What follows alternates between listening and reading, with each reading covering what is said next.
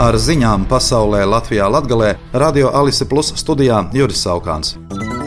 Lai atvadītos no ieslodzījumā mirušā Krievijas opozīcijas līdera Aleksēja Navaļnija, pie Maskavas Marinas rajona dievmātes ikonas Remdēmanas skumjas baznīcas šodien bija pulcējušies vairāki tūkstoši cilvēku un veidojās lielas rindas. Varas iestādes bija iepriekš brīdinājušas, ka jebkāda nesankcionēta pulcēšanās būs likuma pārkāpums, un tie, kas tajā piedalīsies, tiks saukti pie atbildības. Krievijas valdība no 1. marta izziņojusi sešu mēnešu aizliegumu benzīna eksportam, lai nodrošinātu pietiekamas piegādes vietējā pieprasījuma apmierināšanai. Lai gan Krievija ir pasaulē trešā lielākā naftas ieguvēja, valstī kopš pērnā gada vasaras ir degvielas trūkums, ko izraisīs lielais pieprasījums un remontdarbi naftas pārstrādes rūpnīcās, kā arī, protams, karš.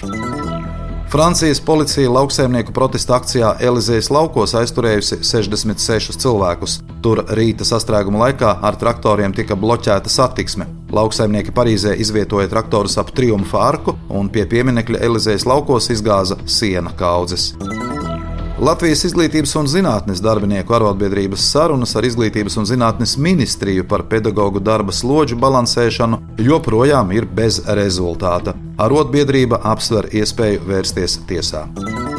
No šodienas paaugstinājusies akcijas nodokļa likme alkoholiskiem dzērieniem un visu veidu tabakas izstrādājumiem. Par cigarešu paciņu 20 cigarešu apjomā cena varētu pieaugt par 49 eiro centiem, par alkoholiskajiem dzērieniem par vienu litru alkohola ar spirta saturu 40 grādi cena varētu pieaugt par 67 centiem.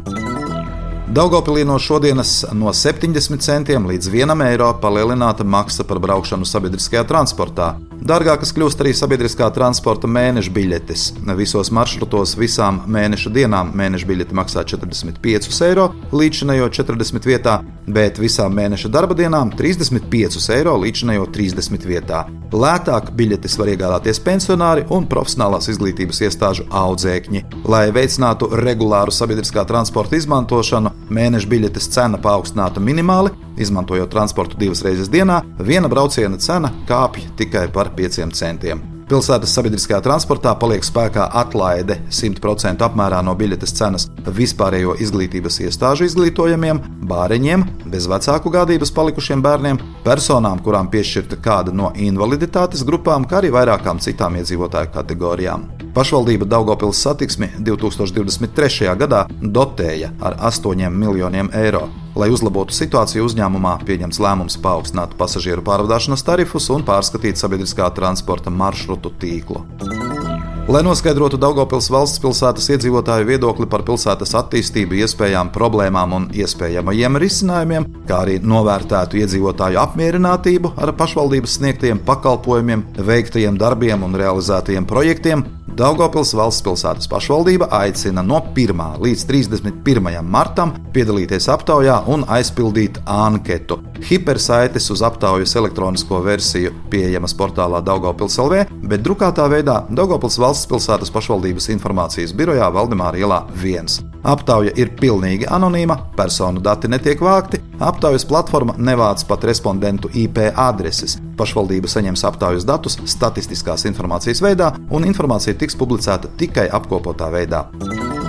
Rotko muzejā no marta apskatāmas četras jaunas izstādes par kara, eksistences un sabiedrības vērtību tēmām. Pavasara sezona sāksies ar Frančiskas Kirkas izstādi Bastions, fotogrāfa un gleznotāja Romāna Korovina izstādi Nomirsim kopā, Rotko Made in Latvijā izstāde tapusi pēc Dailas teātra izrādes Rotko motīviem, bez tam Latvijas reģiona mākslinieku ikgadējā konkursa izstāde Lielgabalu klusumā. Izstādes Rotko muzejā būs skatāmas līdz šā gada 19. maijam.